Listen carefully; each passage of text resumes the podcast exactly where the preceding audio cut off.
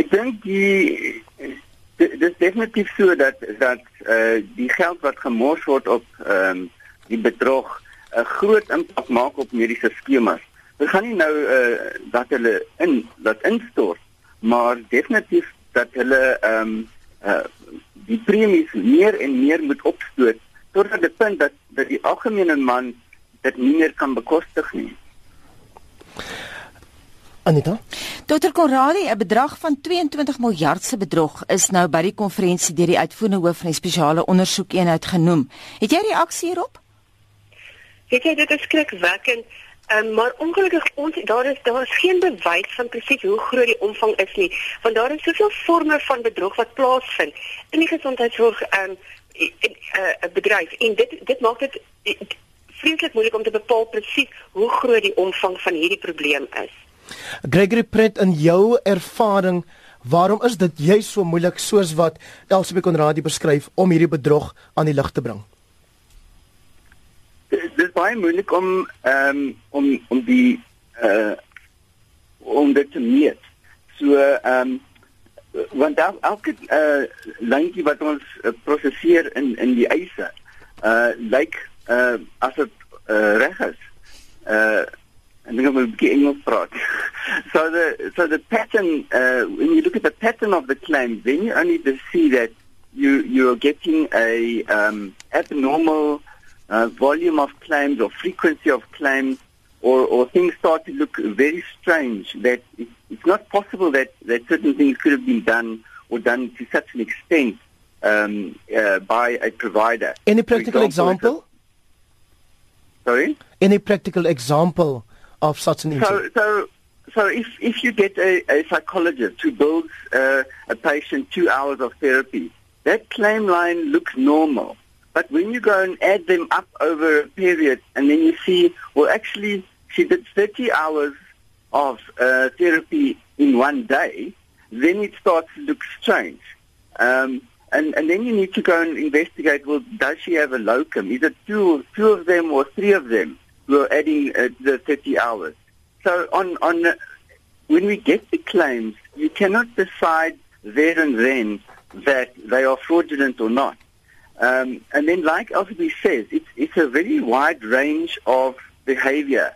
Uh, you get just the, the ignorant um, abuse of, of claims where, where providers use a code that uh, they're not supposed to, right through to the targeted syndicate activity where, um, uh, you know, these, these providers uh, directly target the scheme and look for those benefits that they can exploit, and then they pump through a massive amount of fraudulent claims to, to milk a scheme. Dr. Konradi, ek wil nou terugverwys na iets wat Dr. Pratt gesê het. Hy het gesê dis moeilik om te meet. Dit beteken dan seker dis moeilik om uit te vang ook. Hoe word so 'n dokter uitgevang? Dis reg. Ek uh, ons hoor daarvan wanneer lede byvoorbeeld kom kla of wanneer die um, self van die diensverskaffers, jy weet ander diensverskaffers kom kla oor van hulle kollegas, maar vir ons as die raad uh, vir mediese skemas is dit vreeslik moeilik want ons het geen beheer ons reguleer nie die diensverskaffers nie. Ons reguleer nie die skemas.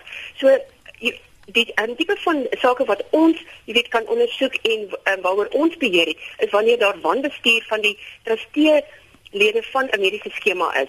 Maar sê tog die praksis sê weet daar is ongelooflike um, baie tipes van bedrog wat uh, plaasvind. En ons wat die regte kodes gebruik maak dit so moeilik want die stelsel kan nie jy weet optel dat die die, die kode verkeerd is nie. Dink jy daar bewyse daarvan is en om daardie bewyse te kry is baie moeilik. Ek kan net ek kan as ek vinnig twee ander voorbeelde kan gee. Daar's 'n voorbeeld ehm um, tegnikuste, eh, tandartstegnikuste wat hulle voordoen as tandartse. En dan vervang hulle dood normale gesonde tande met krone, goue krone, allerlei um, verskillende kleure en vir die vir die pasiënte is dit 'n wonderlike ding want nou het hy goue tand.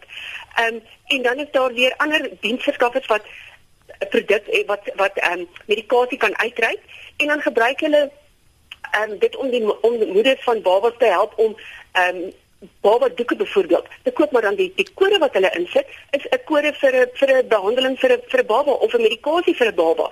En hoe vang jy so iets uit? Jy weet dit is dis verskriklik moeilik. Gregory Pret, maar jy sê dis daarom nie alle mediese praktisyns wat hierby betrokke is nie. Daar is so 'n paar honderd. E, enige spesifieke dissiplines?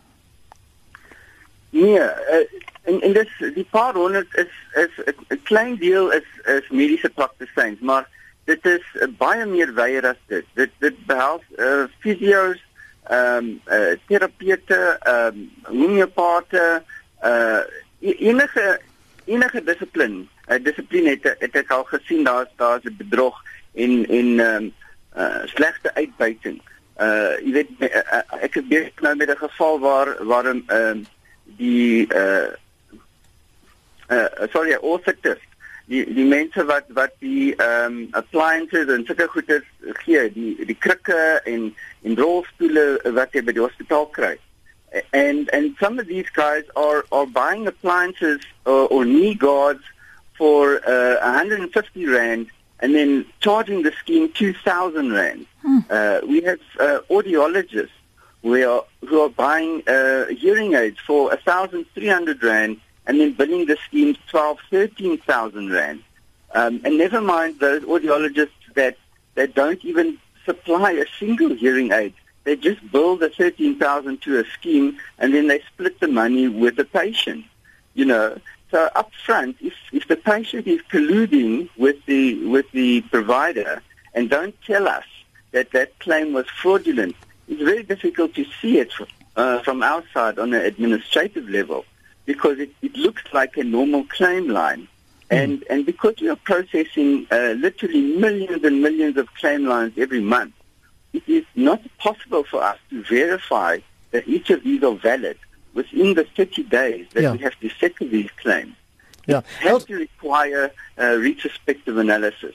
Delsbe Konradi, wat sê dit oor die wyse waarop mediese praktisyns onderhewig is aan hulle etiese kodes en is hierdie 'n nuwe verskynsel? Ek dink hierdie praktyk gaan waarskynlik al vir baie jare aan. Dit is maar nou, jy weet nou dat ons meer, meer bewus raak en mense meer uh, op die gratis ehm um, ehm um, wat noem hulle dit tog nou die die die bedroglyne die sake aanmeld wat ons bewus word daarvan. Maar ek dink dit is iets wat dalk al oor jare plaasvind en dit is net nou meer en waarskynlik het dit meer toegeneem as gevolg van die hoë koste in die jy weet oral oor in die ekonomie. Ek meen pryse is baie hoog en mense het dienste nodig, so hulle sal enigiets probeer om daardie dienste te kan bekom. Ek wil hierdie vraag aan beide van julle stel, Dr. Pratt en Dr. Konradi. Julle praat tog met julle kollegas wêreldwyd. Gebeur hierdie ding, eh, hierdie soort van ding elders ook? Ja, so net eers gaan. Dit is definitief so, uh, veral ehm um, in in die FSA. Jy weet die bedrog op die op die ehm um, Medicare of Medicaid programme wat deur die eh uh, ehm um, regering eh uh, daar gestel word is is ongelooflik. Dis honderde ehm um, biljoene uh, wat wat wat hulle meer ehm um, moet moet spandeer op op op diese goederes.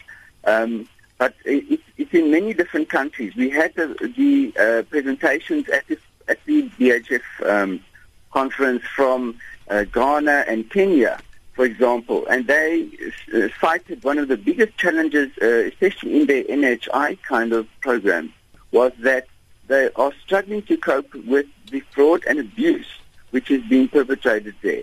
So it is in many different countries, and even in the um, in England now, they are starting to find out that there's actually a lot of uh, fraud going on, and they're having to ramp up their forensic services uh, to levels that they've never had before. Um, I must say that I, I do believe we are uh, becoming able to detect this fraud far more easier now. You know, we're using far more advanced technology um, within our systems, um, and that's uh, how I mentioned at the at the uh, conference that uh, MedScheme has, has brought in this this highly um, advanced system from the US to do precisely that is to really be able to detect this not only on the claim line level, but also to look at patterns, to look at link analysis, to see referral patterns between providers where syndicates are operating, and really be able to to uh, dig in and identify it early enough. Baie dankie. Dit dan die woord uh, laaste woorde aan Dr Gregory Pratt. Hy is 'n mediese raadgewer vir forensiese ondersoeke van die administrateur Medscheme en ons het ook vanoggend gesels met Dr Elsabie Konradi en sy is van die Raad vir Mediese Skemas en dit was oor die omvang van bedrog spesifiek deur mediese dokters.